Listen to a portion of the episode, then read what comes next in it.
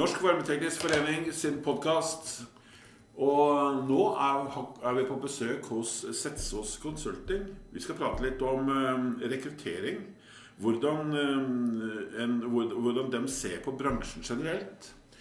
Eh, jeg har med meg eh, Pernille. Hei. Hei. Hei. Hei. Du skal også få lov til å prate. Ja, det er hyggelig. Eh, du skal få presentere deg sjøl. Det skal du få gjøre nå, Pernille. Ja, jeg heter da Pernille Setsås. Jeg eh, jobber i Setsås Consulting som rekrutterer og rådgiver. Um, det er det jeg gjør. I tillegg til det så er jeg jo selvfølgelig også med i styret i Ingeborg-nettverket. Som er veldig vesentlig Det er veldig i vinden om dagen. Helt, eh, der er det mye som skjer, og det er veldig, veldig spennende. Ja, det er veldig gøy. Men hvordan ser dere på markedet nå? Altså VVS-bransjen, vi har jo, Jeg er jo en gammel ringrev i bransjen, holdt på siden 1982. Eh, rekrutterer det inn i VVS-bransjen er på en måte noe som jeg setter veldig pris på. For da får man de rette folka til de rette posisjonene. Hvordan ser dere på markedet nå? Hvordan ser dere på VVS-bransjen? Hvis vi skal snakke om VVS-bransjen i seg selv, da, ja. så tror jeg det er eh, ganske mange ting man ofte glemmer når man selv jobber i bransjen. Det Eh, er det ingen tvil om. eh, det er det ingen tvil om. Og det, sånn er det med oss alle. Det Ja. gjelder jo meg og mitt yrke også. Eh, det som på en måte blir viktigere og viktigere nå, er jo å vende snuta framover. Eh, Vi ser jo ikke sant, en, altså en rørleggerbedrift da, Ja. er jo en typisk sånn SMB-bedrift. Altså en bitte liten en, gjerne fra én til fire personer. Det er jo en typisk rørleggerbedrift. Eh, og når man tenker liksom på fremtiden, så, så kommer det også til å bli et skifte. Nå snakker jeg om på en måte 30 år fram i tid. Ja. Det kommer til å bli et skifte. Det som er viktig nå i forhold til rekruttering, er at eh, vi, må, vi må få ned hårfestet litt. Vi Ja. må være bjuda litt mer på. Eh, og da snakker jeg gjerne om at vi, eh, vi må ta litt ansvar. Og jeg sier vi fordi jeg føler jo at jeg har en tilknytning til eh, Jeg har jo et hjerte som brenner for VVS. Det er Ja, det jeg, ikke noe jeg tvil om. det. Jeg vet det. Men det som er viktig, er at man alle må ta et ansvar. Og da man, det jeg mener med det, er det at man er flinkere til å åpne dørene for ungdommer og sommerjobber. Vi er flinkere til å ta inn voksenlærlinger. Vi er flinkere til å tenke på person og ikke kjønn. Ja. Og at vi er flinkere til å ta inn trainees, at vi er villige til å bruke tiden vår på å eh, rekruttere inn eh, og ta vare på og lære opp. Ja. Eh, Det, det, er- det er viktig. Men dette med, dette med lærlinger Mhm. Eh, Hvordan, eh, syns du det fungerer i VV-bransjen, sett fra deres syn? Det med voksenlærlinger, vanlige lærlinger, vi har jo opplæringskontorene. Eh, Det er veldig, det er veldig godt innarbeida. Lærlingordningen. Mm. Er det noe vi kunne gjort annerledes, sånn som du tenker deg? Eller, eller skal vi gjøre sånn som vi har gjort i alle år? Jeg føler liksom at det, det som har blitt gjort i alle år, sånn skal vi ha det. Det er en bransje som tenker litt lite nytt. ja. Og det er jeg helt enig i. Det er klart at uh, rørentreprenørene f.eks., som Ja. driver mye med dette her, er jo kjempeflinke, og de prøver de å, å tenke og dytte mennesker foran. Men det vi ser da utenfor, er jo gjerne det at det er veldig mange som eh, som, som tenker at det er veldig tidkrevende. Eh, det stjeler mye fokus fra det de holder på med. Og ønsker gjerne en hånd å holde i når de tar inn lærlinger, eller hvis at de skal ta inn lærlinger. Eh, alle vet jo hvordan programmet er. Det, Ja. man, altså, kua glemmer ikke at den har vært kalv. Eh, men, men det er klart at jeg tror vi må ha litt lavere terskel. Eh, og det handler litt om dette med fremtidsrettet som du snakker om. Vi er jo altfor dårlige på profesjonalisering, og vi er altfor dårlige på digitalisering. Jeg er helt enig med deg, Pernille. Jeg er møter jo jeg møter rørleggerfirmaer som ikke engang har en e-post. Altså, og, Jeg kjenner dem, jeg. ja, og, de er, og vi er i 2020. Eh, og, og da kjenner jeg at altså jeg, jeg, jeg, altså jeg blir svett av å tenke på det. Så det er klart at vi har noen store skritt å ta. Altså Det er som mannen på månen her. Vi skal liksom ganske store skritt i ganske mange år framover nå for å komme à jour. Ja, for jeg føler at bransjen ikke er, er det. Og så tenker jeg på sånn Jeg, jeg tenker på Da, da, da en, en, en person på 16 år eller 17 år skal velge yrke, så velger man, og så sier man at eh, 'jeg har lyst på det og det og det', og så kommer man ikke inn på det, og så blei det fjerdevalget du kom inn på det, og det var rørleggeren. Yes. Eh, Jeg skulle, jeg, skulle ikke øn, jeg skulle ønske at vi heva den standarden. At det, at det ble et førstevalg og ikke et fjerdevalg.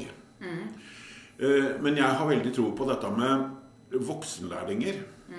For da er du mer moden. Da er du mye mer moden og mye mer klar og mye mer dedikert på hva du Da ønsker. vet du hva Ja. du vil. Ja, du vet hva du vil. Ja. Eh, hva, hva Hvordan skal vi komme oss dit? Ja, hvordan skal vi komme oss dit? Det er egentlig det er et uh, Hvis vi tar lupen mot ungdommen, da. Jeg er jo selv så privilegert at jeg er bonusmamma for en gutt på 17 år nå. Ja.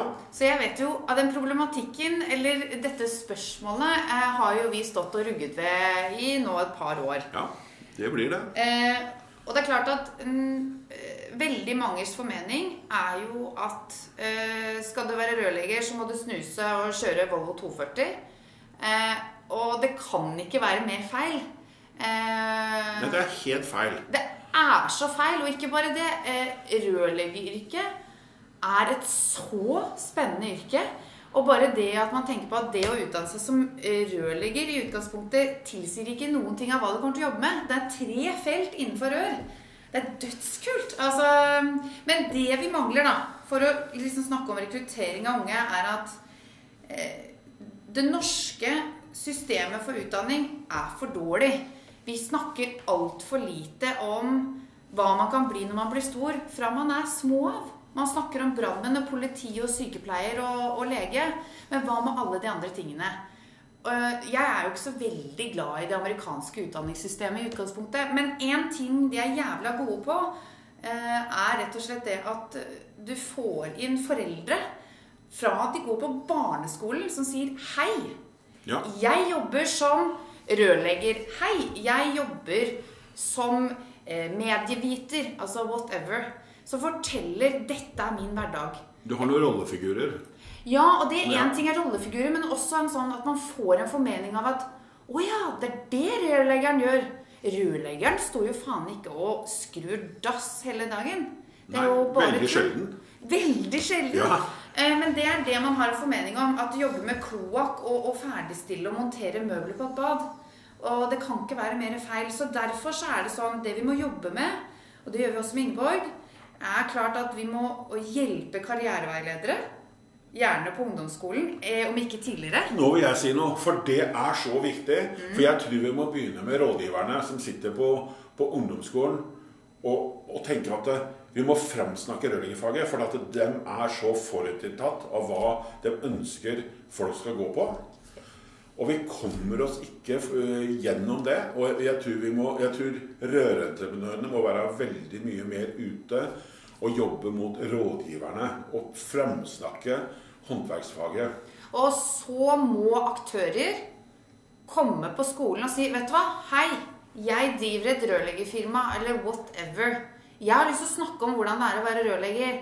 Og da handler det igjen om å fordele det ansvaret, ikke bare på karriereveilederen, men på også oss som jobber i bransjen. Ja, du vil, ha, du, vil ha, du vil ha aktører i bransjen, om det er leverandører, eller om det er eh, rørleggerforretninger, eller hva som er, så skal vi komme på skolen, og skal vi framsnakke rørleggerfaget. Det er det du ser.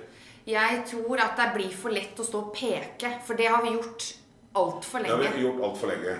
Men der kommer vi jo litt inn på dette med, med Ingeborg-nettverket, for du sitter jo i styret i Ingeborg-nettverket. Stemmer. Ja. Kan du prate litt om det?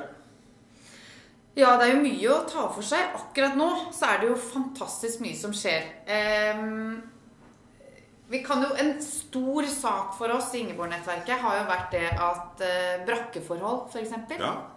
Og der er jo nå en av våre partnere, Caverion, eh, vært helt fantastiske og fått dette her ordentlig på agendaen. Det er ikke noe man snakker om 'Å, dette her er så spennende, og dette må vi gjøre noe med'. Nå er det skrevet i stein. De skal legge det som betingelse for, det, for sine prosjekter. Ja, og det er egentlig selvskrevet, men samtidig så er det på en måte veldig viktig å få dette formalisert og få det ned i kontraktsform. Yes. Det er så viktig, for at det, det må tilrettelegges både for kvinner og menn.